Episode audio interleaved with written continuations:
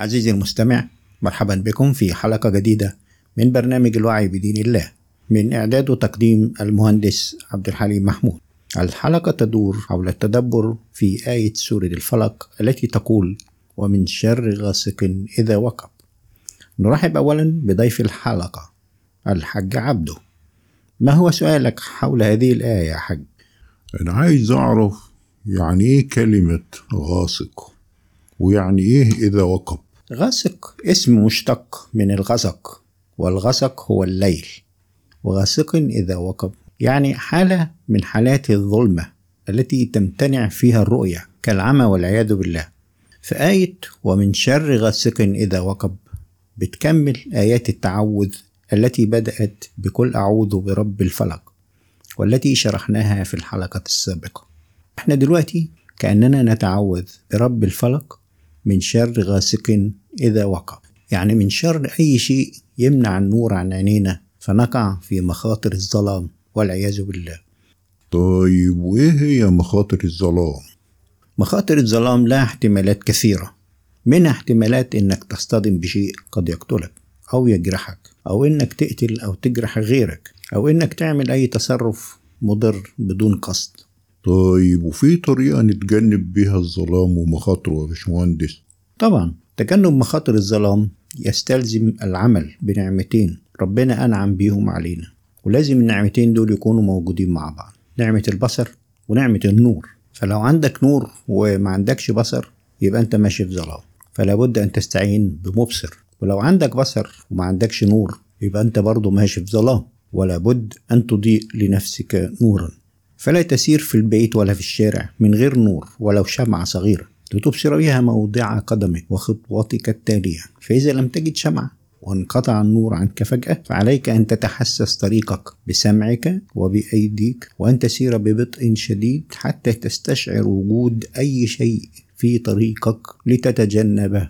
فإذا اتخذت تلك الأسباب فاستعذ بالله من شر غاسق إذا وقب كمان لما تكون سايق عربية لا تسير في طريق مظلم تماما إلا إذا كان في سيارتك كشافات منورة لك الطريق كله وكشافات خلفية عشان اللي جاي من وراك يشوفك. لكن لو ما عملتش كده هتتعرض لمخاطر حوادث قد تقتل بها نفسك أو تقتل بها غيرك.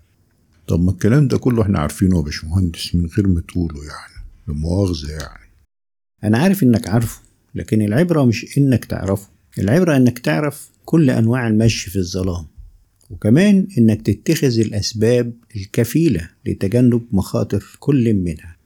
الحاجة التانية اللي لازم تعرفها إن لما ربنا ينبهك لمخاطر في القرآن وخصوصا في سورة الفلق يبقى ربنا بينذرك إنه هيحاسبك إذا لم تتخذ بالفعل كل الأسباب الكفيلة بتجنب الوقوع في تلك المخاطر. فمثلا لو أنت فعلا ماشي بعربيتك من غير أي كشافات أو كشافاتك مش شغالة وتسببت في قتل نفس بريئة فربنا هيحاسبك على القتل ده. وساعتها اوعى تقول لنفسك إن ده قتل خطأ لأن ربك عالم إنك تعمدت بكامل إرادتك إنك تمشي في حالة تولد مخاطر القتل. فانتبه لما يهديك إليه الله من تجنب المخاطر. واعمل بيها لأن ربنا هيحاسبك يوم القيامة ويسألك عليها. ألم تستمع لآياتي تلك التي أنذرتك فيها؟ إذا قلت نعم استمعت فسأسألك. فلماذا إذا لم تعمل بها؟ طيب إيه بقى أنواع المشي في الظلام التاني يا باشمهندس؟ لو أنت ماشي في شبورة في الشارع فأنت ماشي في ظلام ومخاطر الشبورة بنشوفها كل يوم في حوادث بتحصد أرواح العشرات من الناس. تتجنب المخاطر إزاي في الشبورة؟ وقف سيارتك على أقصى اليمين شغل كل إضاءات سيارتك وشغل الفلاش كمان. نوع تاني من المشي في الظلام لو أنت فاقد التركيز أو الوعي لأي سبب مرضي أو بسبب المخدرات فأنت ماشي في ظلام. فلا تقود سيارتك في هذه الحالة. وإذا جات لك حالة مفاجأة وأنت سايق عربيتك اركن على جنب بأقصى سرعة وانزل واركب تاكسي أو مواصلات. ليه؟ لأنك لو سقت عربيتك وأنت فاقد الوعي هتقتل بيها ناس بريئة قبل ما توصل للمكان اللي أنت رايح طيب في أنواع تانية من المشي في الظلام يا باشمهندس؟ أيوة. زي ما المشي في الظلام في الطرقات في مخاطر فالمشي في ظلمات الحياة برضه في مخاطر أكبر. والكلام ده من عندك يا باشمهندس؟ يعني مش عايزين تجويد وحياة أبوك. حبيبي يا حاج عبده أنا ما جبتش تجويد خالص. مش أنت موافقني إن غاسق إذا وقب؟ يعني حالة ظلمة على العين زي حالة العمى والعياذ بالله. أيوه طبعا. طيب مش ممكن الإنسان يكون عنده عين بيشوف بيها لكنه ماشي في الحياة زي الأعمى؟ لا طبعا وهو ده التجويد اللي بقول لك مش عايزينه وحياة أبوك. بيسمع الآية دي وبعدين قول لي أنت الكلام ده صح ولا غلط. ومن كان في هذه أعمى فهو في الآخرة أعمى وأضل سبيلا. دي الآية 72 من سورة الإسراء. صدق الله العظيم. عندك حق يا باشمهندس. طيب خليني أسألك هل المقصود بالأعمى هنا هو أعمى العين ولا أعمى القلب يا حاج؟ لا طبعا أعمى القلب والعياذ بالله. طيب اسمع وصف الناس اللي قلبها أعمى دي في القرآن. أفلم يسيروا في الأرض فتكون لهم قلوب يعقلون بها أو آذان يسمعون بها. فإنها لا تعمى الأبصار ولكن تعمى القلوب التي في الصدور. دي الآية 46 من سورة الحج. طيب وازاي الواحد يضمن إن قلبه مش أعمى زي الناس دول وإنه مش ماشي أعمى في الدنيا؟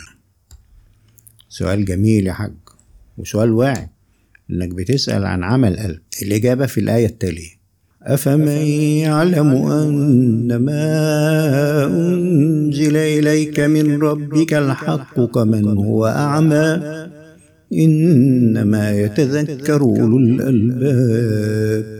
دي الآية 19 من سورة الرعد. فالإجابة على سؤالك إزاي الإنسان ما يكونش أعمى القلب؟ في ثلاث حاجات. نمرة واحد زي ما الآية اللي فاتت قالت إنك أنت تعلم وتؤمن إن ما أنزل إليك من ربك هو الحق.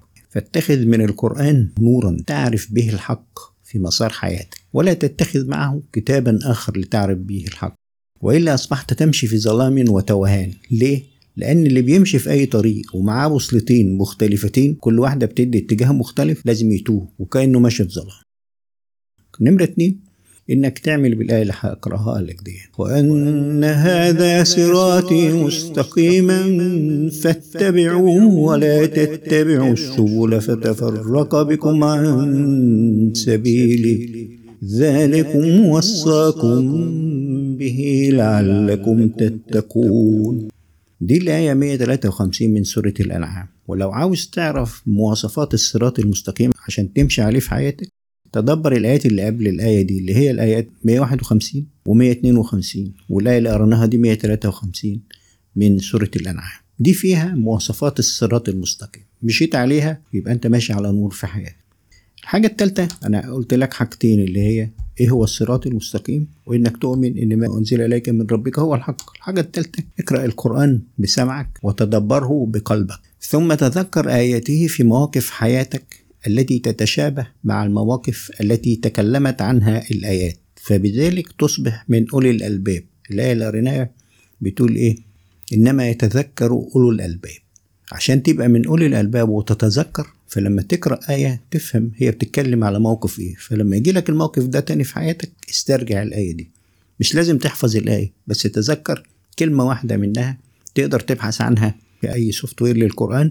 هتلاقي الآية جات لك تقوم تعرف إيه هو الحق اللي ربنا نزله في هذا الموقف. طيب خش بقى في الحالة التالتة من الشرور المذكورة في سورة الفلق اللي هي النفاثات في العقد. يعني إيه نفاثات ويعني إيه العقد يا باشمهندس؟ النفث بالثاء هو ما حمله الهواء ويدخل في الصدر ويخرج منه مما لا تراه العين المجردة من فيروسات وميكروبات وجراثيم. والعقد هي العقد الليمفاوية المناعية التي جعلها الله في جهازك التنفسي لتحميك من البكتيريا والفيروسات. وذلك كما قرأت في بحث نشره الباحث رضوان سالم. فإذا زادت قدرة الفيروسات والكائنات الحية وفي نفس الوقت ضعفت قدرة الإنسان المناعية تورمت تلك العقد الليمفاوية. طب إزاي بقى نتخذ الأسباب عشان نتجنب مخاطر النفاثات في العقد؟ أولا التعوذ بالله من شر حالات النفاثات في العقد دي. يبدأ من اتخاذ الإنسان للأسباب التي تحميه من هذا الشر. كأن يتجنب أسباب انتقال الفيروسات والميكروبات والأمراض العدوية إليه خاصة عدوى نقص المناعة وعدوى الفيروسات.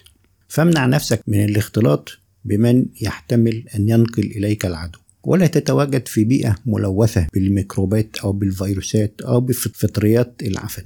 وكذلك تجنب التواجد في مرمى سعال المصاب أو من تبدو عليه أعراض المرض. وأن ترتدي الكمامة وأن تأخذ اللقاحات التي توصي بها الدولة. ثم بعد ما تعمل كل اللي عليك ده توجه إلى الله لتستعيذ به من شر النفاثات في العقد. ثانيا اتخذ كل الأسباب التي تقوي مناعة جسمك كأن تتغذى جيدا وتنام جيدا ولا تحمل نفسك أحمالا فوق طاقتك سواء كانت أحمال جسمانية أو عصبية أو مالية كل ذلك يضعف مناعتك. وإلى هنا عزيزي المستمع نصل إلى نهاية حلقتنا هذه. ونلتقي إن شاء الله في الحلقة القادمة والتي سنتدبر فيها الآية التالية من سورة الفلق وهي التعوذ من شر حاسد إذا حسد. شكرا لمتابعتكم برنامج الوعي بدين الله من إعداد وتقديم المهندس عبد الحليم محمود.